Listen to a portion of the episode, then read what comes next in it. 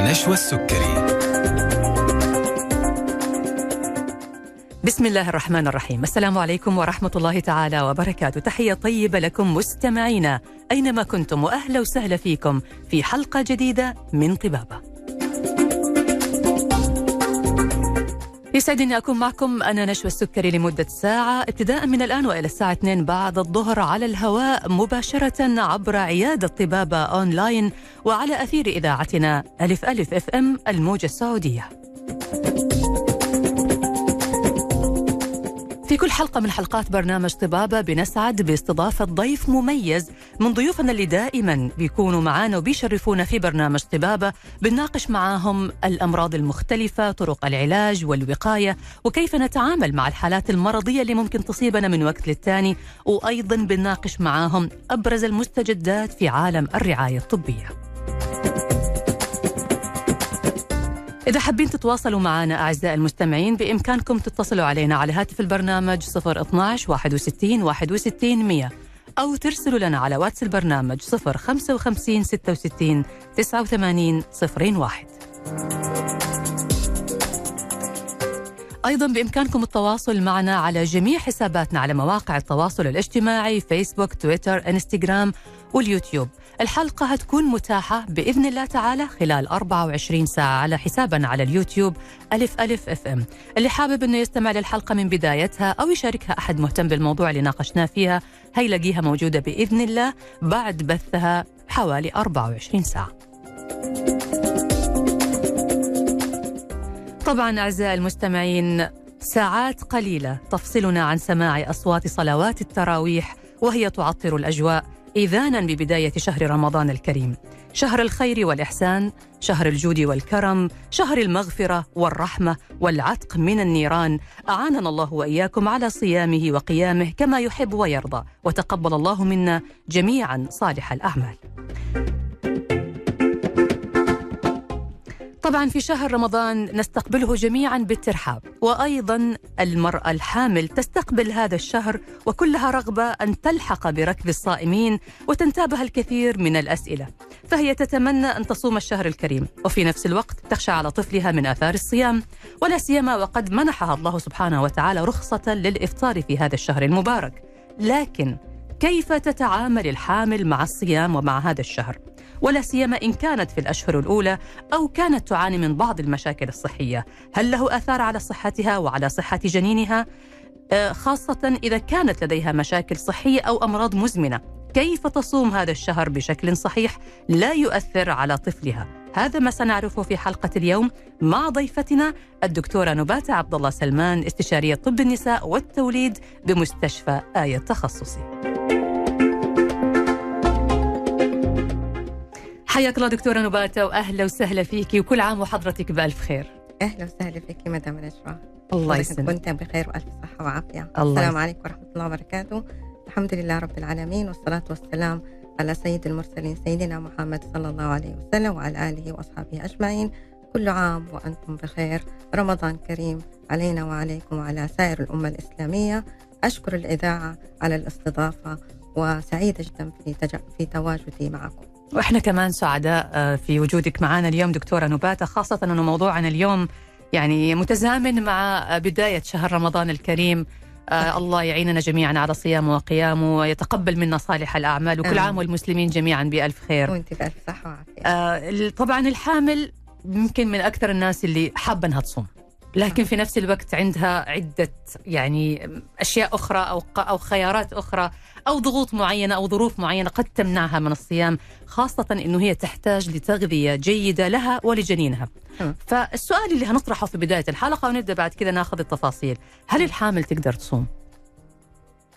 تمام آه بالنسبة للمرأة الحامل آه مقدرتها على الصيام بتوقف على ثلاث أشياء مم. أول حاجة قدرتها الخاصة للصيام هل هي تقدر تكمل الصيام هل ما حتتعب في, فترة الصيام ولا لا إذا قلنا إن هي ما حتقدر هي حتقدر وما حتتعب ما حنمنعها من الصيام مم. والشيء الثاني اللي حيتوقف عليه حيتوقف عليه إذا إذا هي هل هي تعاني من أمراض مزمنة سابقا مم. هذا كمان حيو... حيخلينا نفكر في موضوع الصيام فيها تمام والمرأة والعامل التالي المرحلة العمرية للحمل لأن آه. آه. الحمل بيتوقف لتل... بت... يتجزأ لثلاثة مراحل المرحلة آه، ثلاثة الشهور الأولى والمرحلة آه، ثلاثة الشهور الوسطى والمرحلة آه، ثلاثة الشهور الأخيرة. أما بصفة عامة الصيام لا يؤثر على الحامل. أجريت دراسات علمية متعددة في معظم الدول الإسلامية ووجدوا ما بين النساء الحوامل اللي صمنا في رمضان النتائج الأخيرة وجدوا لا يؤثر على الجنين ولا يؤثر على الحامل ما شاء الله الحمد نعم. لله يعني ما نقدر نقول إنه الحامل أنا حامل لا ما أصوم أنا ما أقدر أصوم لا لكن لا. بالعكس الصيام ما له أي تأثير لكن هنعرف برضو من حضرتك كيف ممكن تصوم بشكل ما يمنعها من إنه هي تأخذ المواد الغذائية اللي تحتاجها وما يأثر طبعا. على صحتها ولا صحة الجنين، لكن بشكل عام إذا ما في موانع حقيقية أو مشكلة صحية بتعاني منها الحامل تقدر تصوم عادي. فعلا. جميل. طيب. إذا قلنا مثلا المرحلة الأولى اللي هي إيه؟ مرحلة اللحام م. في الفترة دي أصلا المرأة الحامل غير قادرة على الأكل. تشعر بفقدان الشهية تشعر بالغثيان والاستفراغ المستمر. آه، في ذي الحالة أقول للمرأة الأفضل أن لا تصوم لأن هي تحتاج تغذية مستمرة. تحتاج آه، تأخذ سوائل باستمرار لأن عدم أخذها للسوائل حيؤدي إلى الجفاف وارتفاع الحموضة في الدم وهذا حيؤثر على الجنين. سلبيا عليها وعلى الأم. أه. وبالتالي في فترة الوحام يفضل أن لا تصوم. أه. في بعض الحوامل هم بيكونوا في المرحلة الأولى ولكن لا تعاني من الوحام هذه لا أقدر أقول عليها إنها ممكن تصوم وتجرب الصيام.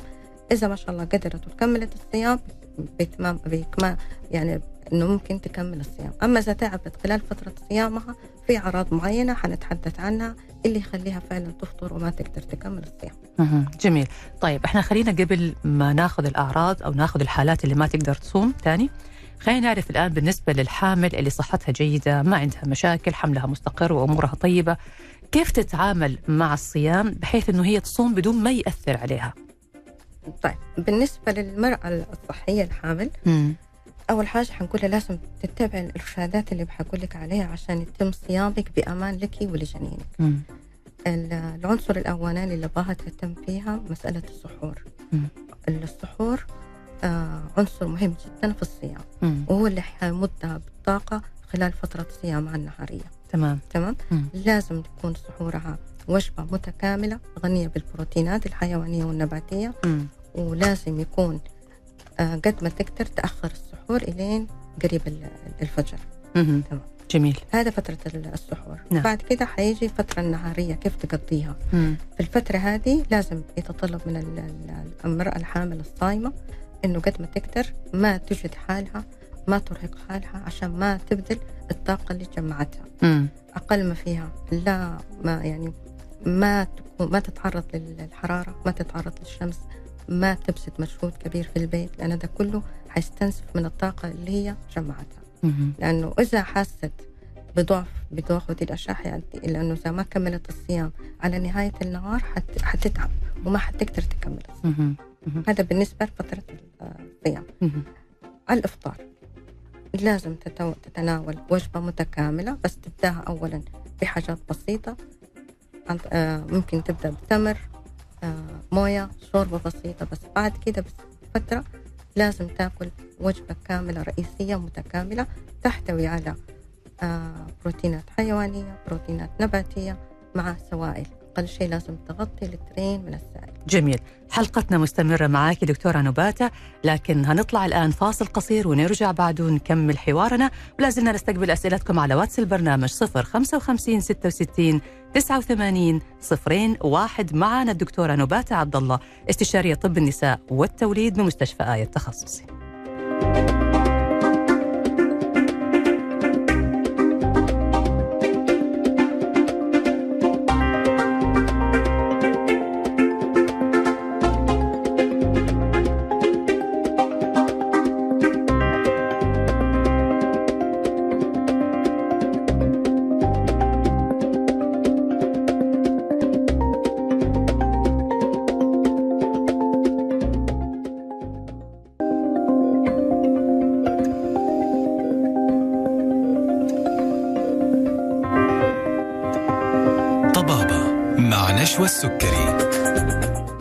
حياكم الله من جديد. مستمعينا الأعزاء وأهلا وسهلا فيكم مرة ثانية في طبابة على ألف ألف أف إم.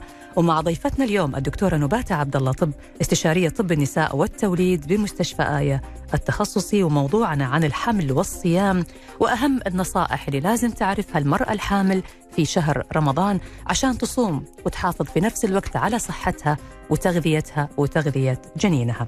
أحييك مرة ثانية دكتورة نباتة أهلا وسهلا فيك أهلا وسهلا فيك أيضا مستمعينا أي سؤال عندكم أو استفسار حابين توجهوه للدكتورة نباتة بإمكانكم ترسلوا لنا على واتس البرنامج 055 66 89 01 طيب دكتور إحنا كنا الآن بنتكلم قبل الفاصل على أنه الحامل اللي ما عندها مشاكل.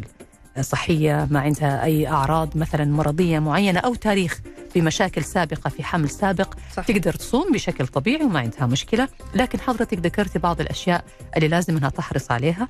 وكنا بنتكلم عن وجبة الفطور أنه تحرص على أنه تبدأ بشيء خفيف ما تقل فحابين نكمل برضه مع حضرتك نصائح الصيام للمرأة الحامل. تمام. آه زي ما قلت في الإفطار قلنا حتبدأ بوجبات خفيفة.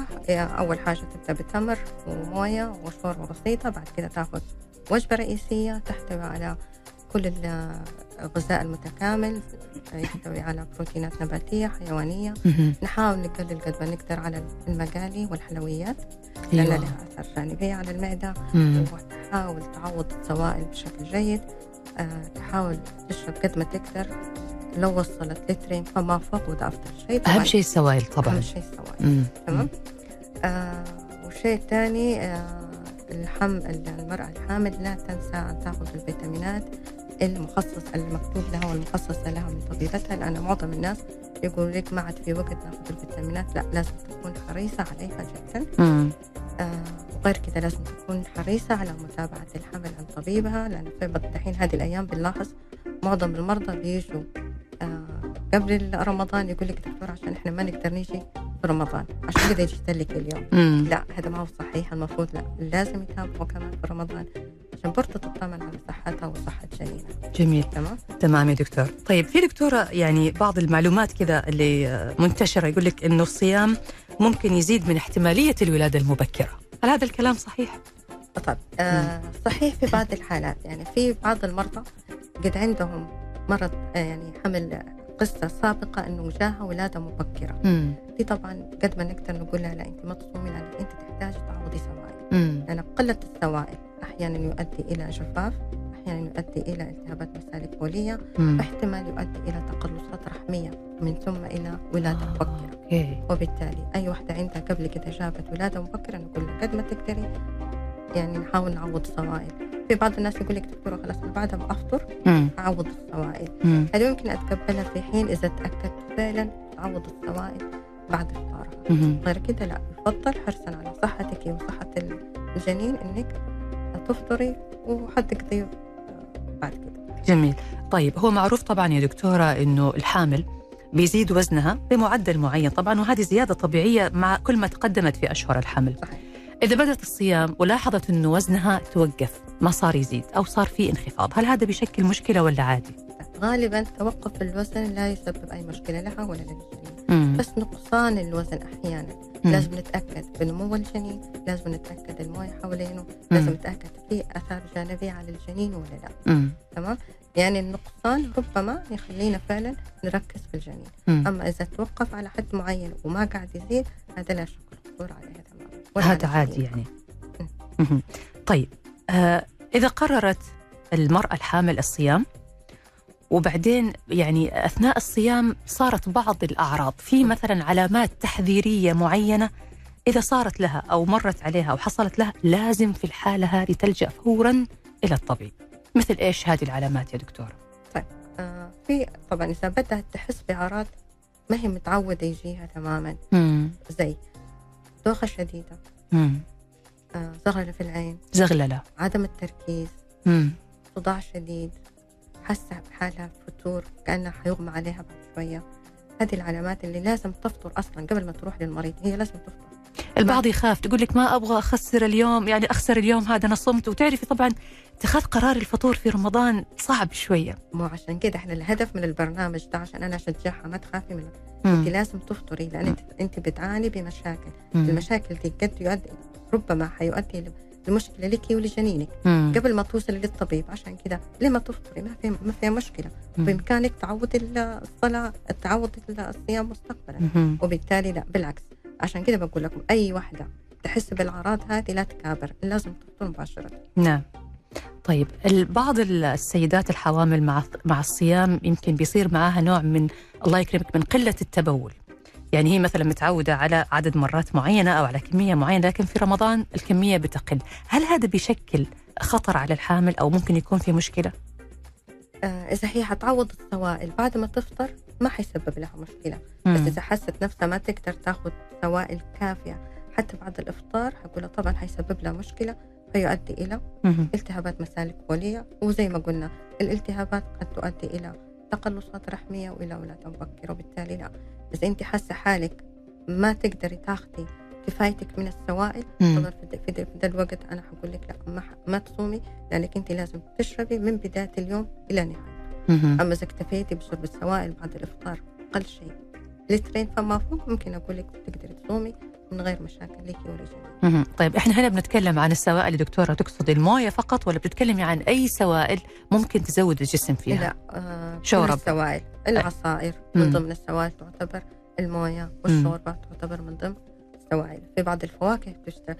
آه بتحتوي على سوائل كثيرة كمان نعدها من ضمن السوائل اللي هي المحسوبة ما بين اللترين مهم. المهم إنه توزع على مدى الساعات هذه اللي فيها الفطور وق- وقت ما نقدر ناكل يعني أيوه توزع السوائل عليها من السوائل جم- جميل طيب بالنسبة للحامل اللي عندها أصلا مشكلة صحية. يعني عندنا طبعا الحامل المريضة بالسكر مثلا فعلا. كيف بيتم التعامل مع الصيام في شهر رمضان آه في نوعين عندنا من السكر هو سكر آه انشاء خلال الحمل مم. سكر حمل مم. وفي سكر كانت المرأة تعاني من السكر مسبقا. طبعا ال- ال- الحامل اللي كانت تعاني من السكر سابقا هذه طبعا أنصح بأن لا تصوم تماما لأن هي بتعتمد على أنسولين وتحتاج نظام غذائي معين وبالتالي لا أجمع كل الأطباء إنه المرأة الحامل اللي بتع... اللي بتعتمد على مم. يكون عليها صعب من الصيام. لأن زي ما قلت لك إنها بتعتمد على نظام غذائي معين في أكلات معينة لازم تاخذها بفترات محددة. تمام. لأن عد إذا صيامها حيؤدي إلى هبوط في. السكر وهذا طبعا حيكون مرحلة سيئة ليها وللجنين. يأثر عليها طبعا. أيوه. مم. أما ال- السكر حمل وهي ما بتعتمد على أدوية بتعتمد بس على نظام غذائي معين هذه ممكن أقول لها ممكن تجرب. تشوف نفسها. إذا قدرت تكمل الصيام ممكن تكمل الصيام. مم. بس إذا حاست لا تعبت ما تقدر تكمل طبعا ممكن لازم تفطر. وتعوض بعد كده. جميل طيب بعض السيدات يا دكتورة بيكون عندهم مشكلة في ارتفاع الضغط آه، مع الحمل طب ممكن يكون ضغطها مرتفع بطبيعتها. أو أنه يكون ارتفاع الضغط جاها مع الحمل برضو هذه من الحالات أعتقد اللي بتكون مقلقة جدا بالنسبة للمرأة الحامل صحيح مم. طيب الحالات اللي عندهم ضغط طبعا هذول بيعتمدوا على أدوية معينة للضغط مم. أمم، في في ناس قايلين إذا هي ضغطها منتظم وبتاخده في فترات مثلا مرة في اليوم على أساس إنه حيكون بعد الإفطار. مم. وبالتالي ضغطها منتظم وهي قادرة خلاص. تنظم نفسها تقدر تصوم. أما اللي لا أدويتها بتعتمد أكثر من مرة على أساس إنه يكون ثلاث مرات في اليوم. هذه لا طبعا تضطر تفطر عشان موضوع الدواء اللي حتاخذه لازم تحافظ. طيب هنا برضو نيجي للنقطة مهمة اللي متعودين ياخذوا أدوية معينة. في توقيتات معينة. إحنا نعرف مثلا إنه بتاخذ الدواء ثلاث مرات في اليوم أو م. بتاخذه مرتين في اليوم كل 12 ساعة. صحيح. كيف تضبط هذا الموضوع مع رمضان؟ طب في أدوية معينة لازم تاخذيها فعلا. لما يقولوا لك كل 12 ساعة معناته لازم أخذها كل 12 ساعة لأن طريقة عمل الدواء بيعتمد على مم. هذه في دي الحالة لا المريضة طبعا لازم تفطر عشان موضوع الأدوية اللي تاخذها. تمام أما بالنسبة للادويه الثانية عدم إنه حتى لو أخذتها مثلا كل آه، 10 ساعات كل 11 ساعة ما حيؤدي إلى مشكلة لها. هذا ممكن تصوم وتاخذه فعلا بعد الإفطار بحيث إنه تاخذه في اوقات مختلفة زي ما قالوا لي. بس إنه ما هي ملزمة إنه لازم تاخذه خلال 12 ساعة أو كل كل 8 ساعات. جميل طيب بعض السيدات يا دكتورة مع الحمل بيصير عندهم آه، يعني تروح تكشف مثلا عند الدكتور تقولها الموية حول الجنين آه، قليلة هل هذا له علاقة برضو بالصيام ولا ما له علاقة هذا شيء ثاني هو طبعا أول حاجة نتأكد إنه ما ال- الجنين نفسه ما بيشتكي من أي مشاكل ثانية مم. الاحتمال يكون في مشاكل عضوية في الجنين ذاته مم. أما إذا المشاكل ما في مشاكل آه، عضوية للجنين وقلت الموية طبعا لازم أنا ألزم على الأم لازم تحوض السوائل مم. ربما يكون له دخل وبالتالي فعلا ال ال الأم اللي تعاني من قلة الموية حوالين الجنين يلزمها أن تفطر. لازم تعوض سوائل بشكل كبير عشان ما يزداد المشكلة سوءا. وحتى في بعض الأوقات بيقولوا عمر الجنين أقل من الطبيعي. نعم. هذه كمان أنصح إنه فعلا تحتاج غذاء مستمر بصفة صحية وبالتالي لا. هذه كمان أخليها لا يعني يفضل إنها تفطر عشان ما يزداد المشكلة سوءا. جميل. حلقتنا مستمرة معك دكتورة نباتة عبد الله سلمان استشارية طب النساء والتوليد بمستشفى آية التخصصي. هنرجع نكمل حوارنا معك دكتورة نباتة لكن الآن طالعين فاصل. نرجع بعد ونكمل حلقتنا. لازلنا نستقبل أسئلتكم على واتس البرنامج 055 66 89 01 ومعنا الدكتورة نباتة استشارية طب النساء والتوليد. يعني مرحبة بالإجابة على أسئلتكم اللي هتكون إن شاء الله في نهاية الجزء الأخير من حلقتنا اليوم من طبابة. فاصل وراجعين.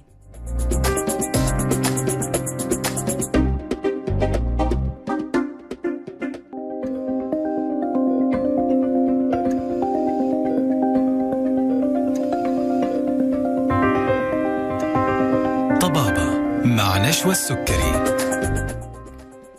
حياكم الله من جديد مستمعينا الأعزاء وأهلا وسهلا فيكم مرة ثانية في طبابة على ألف ألف FM الموجة السعودية ومع ضيفة حلقتنا الدكتورة نباتة عبد الله سلمان استشارية طب النساء والتوليد بمستشفى آية التخصصي وموضوعنا عن الحمل والصيام. لازلنا نستقبل أسئلتكم على واتس البرنامج 055 66 89 01 وإن شاء الله دكتورة نباتة هتجاوب عليها في الجزء الأخير من الحلقة بعد الفاصل. حياك الله دكتورة نباتة أهلا وسهلا بك مرة. ثانية. الله يسعدك طيب دكتور إحنا كنا بنتكلم عن أهم النصائح آه، بالنسبة للمرأة اللي بتاخذ آه، الحديد طبعا أغلب ال- الحوامل لازم يوصف لهم الحديد والفوليك أسيد والأشياء هذه علشان تعطيها طبعا آه، مناعة صحيح. وت- وتقويها.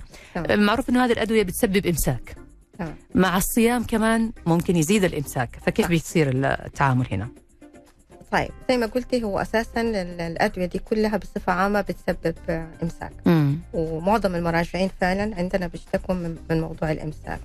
كل اللي حقول لها ما حقول لها أفطري طبعا عشان موضوع الإمساك بس أهم شيء لازم تاخذي حاجات ألياف كثيرة بعد الإفطار كثري من السوائل وإذا لزم الأمر إحنا ممكن نكتب لها ملينات يساعدها على تخفيف ال- الإمساك.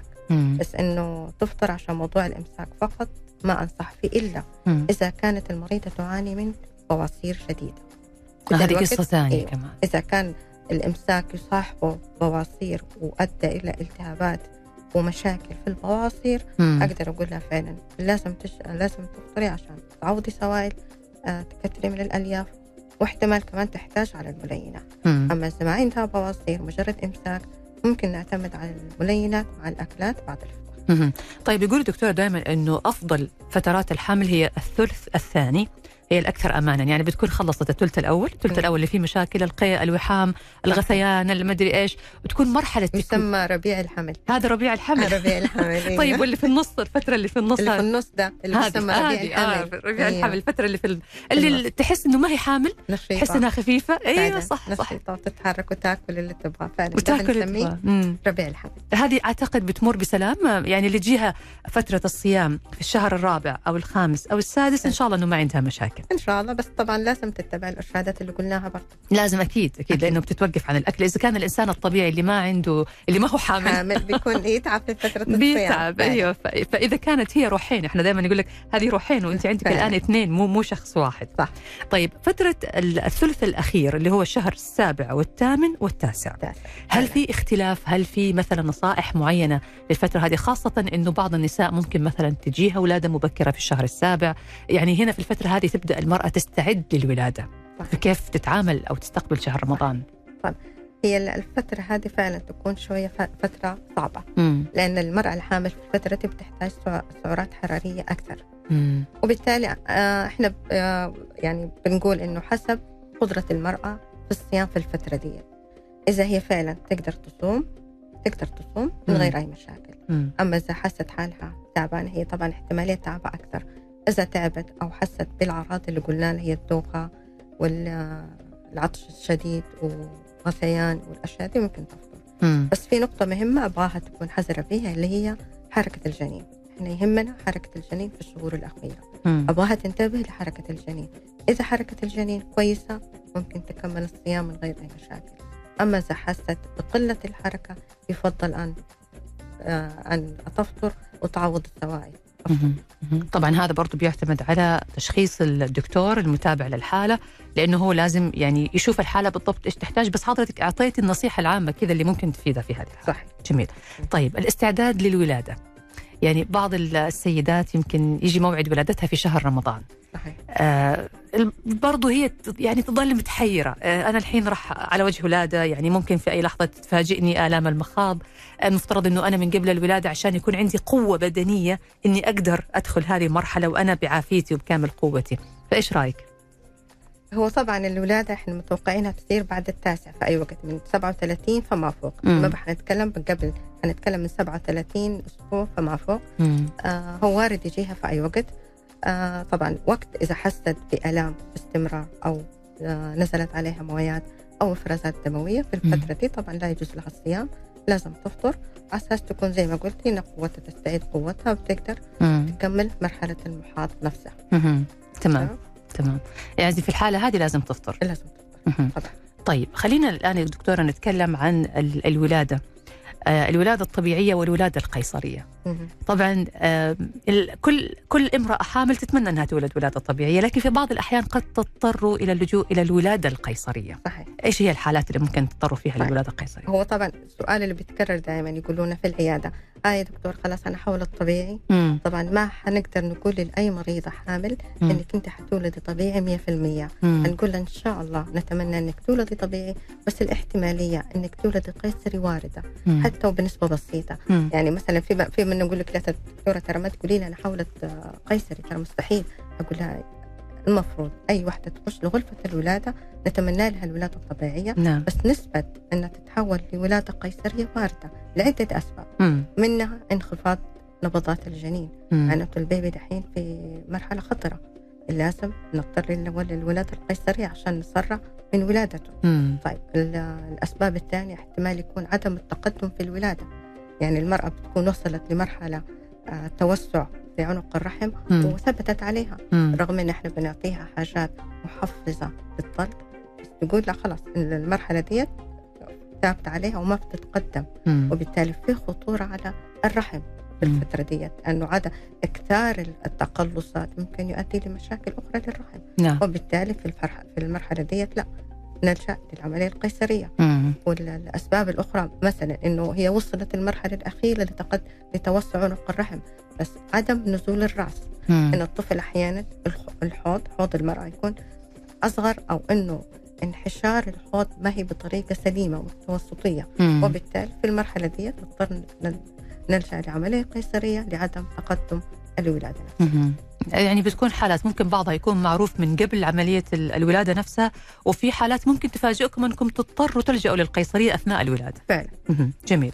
حلقتنا مستمرة معاكي دكتورة نبات عبد الله سلمان استشارية طب النساء والتوليد بمستشفى آية التخصصي هنتابع حوارنا بعد ما نطلع فاصل قصير لازلنا نستقبل فيه أسئلتكم واستشاراتكم للدكتورة نباتة على واتس البرنامج 055 66 89 صفرين واحد فاصل وراجعين.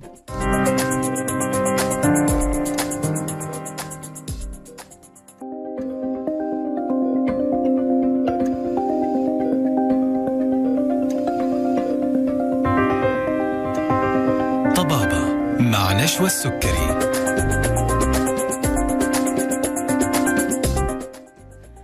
يا هلا وسهلا فيكم مستمعينا الأعزاء رجعنا لكم مرة ثانية في برنامجكم طبابة على ألف ألف أف أم الموجة السعودية ومعنا الدكتورة نباتة عبد الله سلمان استشارية طب النساء والتوليد بمستشفى آية التخصصي وكموضوعنا اليوم عن الحمل والصيام. أرحب فيك دكتورة نباتة مرة ثانية في الجزء الأخير من حلقتنا أهلا وسهلا. أهلا وسهلا طبعا إحنا الآن وصلنا للجزء الأخير اللي فيه راح ناخذ الأسئلة حقت المستمعين. هناخذ بعض الأسئلة وإذا باقي معنا محاور ممكن نرجع لها. آه عندنا هنا سؤال آه السؤال يقول بسم الله. أيوه يقول السلام عليكم ورحمة الله وبركاته. آه تحياتي لكم. آه وللدكتوره حابب أسأل زوجتي عندها نقص في ماء الجنين كمية الماء سبعة. هل تستطيع الصيام؟ آه سبعة ما حنعتبره ناقص بس. حنقوله في أقل الطبيعي اللي هو ال lower normal كل اللي عليها تحاول تعوض سوائل قد ما. تقدر بس وتراجع بعد أسبوع مباشرة وتتأكد مم. هل موية الجنين بقيت على ما هي عليها أو إنها قلت لو. قلت ساعتها أقول لها ممكن تفضل لو قلت عن كم يا دكتورة؟ يعني لو كانت سبعة عشان فترة بعد فترة الصيام نزلت عن سبعة مثلا مم. حتى لو صارت ستة. حقول لها لا معناته الصيام قاعد يأثر عليها وبالتالي لازم تعوض السوائل أما إذا بقيت سبعة معناته حتكمل على نفس النظام حتعوض على السوائل بس تتابع باستمرار. جميل طيب عندنا برضو كمان سؤال تقول أنا حامل في الشهر السابع لكن عندي آه، لون البول داكن هل هذا يمنعني من إني أصوم؟ لا هي دحين معناته لون الداكن لون البول تبعها داكن قبل رمضان. مم. معناته هي كده كده معناته م- مقصرة في موضوع شرب السوائل. هذا وهي فاطرة يعني وهي لسه ما. صامت. أرجع أقول لها لا هذا ما حيمنعك من الصيام بس كل اللي أقول لك عليه لازم تعوضي سوائل لازم تكوني حريصة جدا على موضوع تعويض السوائل. مم. زي ما يعني قلنا لترين فاكثر الترين فأكثر لازم. يعني إحنا لازم. أنا لاحظت إنه أكثر المشاكل اللي ممكن تتعرض لها الحامل هي السوائل. صح. فهو أهم شيء أهم من الأكل يعني. لا طبعا ال- الأكل مهم وكل حاجة فعلا بس السوائل شيء. تيجي أولوية يعني. Yes. جميل. طيب آه بالنسبة دكتور برضو في عندي سؤال تقول أنا حامل في الشهر السادس آه تشخصت عندي حالة سقوط في المشيمة. هل يمنعني هذه هذا السقوط من إني أصوم شهر رمضان؟ وإيش المفترض إني أنا أسوي عشان أصوم وما يكون عندي أي مشاكل؟ طيب آه، سقوط ال- المشيمه بحد ذاتها لا حتم ما حتمنعها من الصيام. ما لها علاقة. ما لها علاقة ابدا من الصيام. مم. تتبع الإرشادات توكل على ربنا وتصوم وربنا إن شاء الله حيعينها هل يا دكتورة هي هذه في الشهر السادس هل لو نفس الحالة هذه مثلا في الش- في الشهور الأولى هل ممكن تكون مشكلة؟ لا ابدا بالعكس ال- سقوط المشيمه في الشهور الأولى ما لها دور مم. تماما مم. في حمل ذاته لأن إحنا بس حنتابع احتمال ترتفع مم. مع مرور الحمل مهم. لكن تصحيح إن في الفترة هذه تكون مرتاحة ما تبذل مجهود كبير ما تشيل شيء ثقيل ضل فعلا. يعني على أساس إنه برضو ما يزيد عندها موضوع السقط لكن هو نشاطها اليومي المت... المتوسط نشاط متوسط إيه. جميل. طيب في كمان دكتورة سؤال جانا ممكن ما له علاقة بال- بالحمل لكن هو من سيدة عمرها آه، 49 سنة. مهم. آه، تقول آه، آخر فحص عند الدكتورة شخصتني إنه عندي أورام ليفية بسيطة. أو بين قوسين لحميات. آه، أنا ما أسأل على الصيام بس حابة أسأل الدكتورة هل هذه الأورام ممكن لا قدر الله تتحول لأورام خبيثة؟ وإيش المفترض إنه أنا أسوي؟ وكم المفترض إني أتابعها؟ كل كم؟ من الوقت طيب بتوقف على احجام الأورام الليفيه هي مم. طبعا أورام ليفيه ولحمية حاجتين مختلفتين تماما مم. لو قلنا أورام ليفيه. حيتوقف على احجامها هل هي مسببتها مسببت لها آثار جانبية مم. مثلا زي الم مستمر آه نزيف عاملة لها مضايقات معينة في دي. الفترة حقول لك إنه هي ما حتتحول لحالة خبيثة ابدا مم. بس إنه احتمال تحتاج استئصال الأورام الليفيه عشان عاملة لها أثار جانبية اللي هي مضايقات صحية مم. بالنسبة للحمية هذه حاجة ثانية اللحمية طبعا في معظم الأحوال لو المريضة بتعاني بوجود لحمية في بطانة الرحم أو في عنق الرحم يفضل إزالتها مم. حتى نتأكد من نوعية هي غالبا يعني أقدر أقول لك 60% 70% بتكون حالات آه، حميدة مم. بس يفضل إزالتها لأن أثارها عشان نتأكد بس بنوعية ال- الخلايا الخلايا اللي موجودة في فيها هل. ممكن اللحمية يا دكتورة تتحول لخلايا خبيثة؟ مم، يعني حسب آه، حياتنا العملية لا ما قد شفنا قد تحولت بس إنه ما نضمن برضه. يفضل مم. يفضل إزالتها بالذات في الأعمار ال- الكبيرة شوي مم. اللي مقرب على الخ- الخمسين فما بعد الخمسين لأن الخلايا في الفترة دي بتكون دائما خلاياها المفروض خاملة مم. وجود آه، يعني اللي هي سماكة ال- بطانة الرحم وجود لحمية مم. قد تثير شكوكنا إنه احتمال ده فيها تنشيط الخلايا وبالتالي يفضل إزالتها للتأكد والتخلص من ال- الشكوك. جميل أنا بشكرك جزيل الشكر الدكتورة نبات عبد الله سلمان استشارية طب النساء والتوليد بمستشفى آية التخصصي شكرا لوجودك معنا دكتورة نبات أسعدتينا بوجودك. الله عفو يا رب. العفو الله. يسلمك. تمنياتي لك بالدوام دوام الصحة والعافية للجميع. الله يعافيك ويسلمك. والشكر موصول لكم أنتم أيضا مستمعين الأعزاء. طبعا ابتداء من الغد إن شاء الله يكون بداية شهر رمضان. كل عام وأنتم بخير. تقبل الله منا ومنكم صالح الأعمال. هترك البرنامج خلال هذا الشهر لزميلي يحيى الشاطر. هيكون معاكم. هو اللي هيتولى تقديم البرنامج وهيكون معاكم عبر إذاعتنا ألف ألف أف أم في تقديم حلقات آه، طبابة. أتمنى لكم كل الخير والتوفيق وأتمنى أن يكون هذا الشهر شهر خير وبركة علينا جميعا وعلى كل المسلمين. وألقاكم بإذن الله تعالى وأنتم في خير بعد شهر رمضان المبارك. تقبلوا تحياتي أنا نشوى السكري ومخرج هذه الحلقة عمر حسين في حفظ الله ورعايته.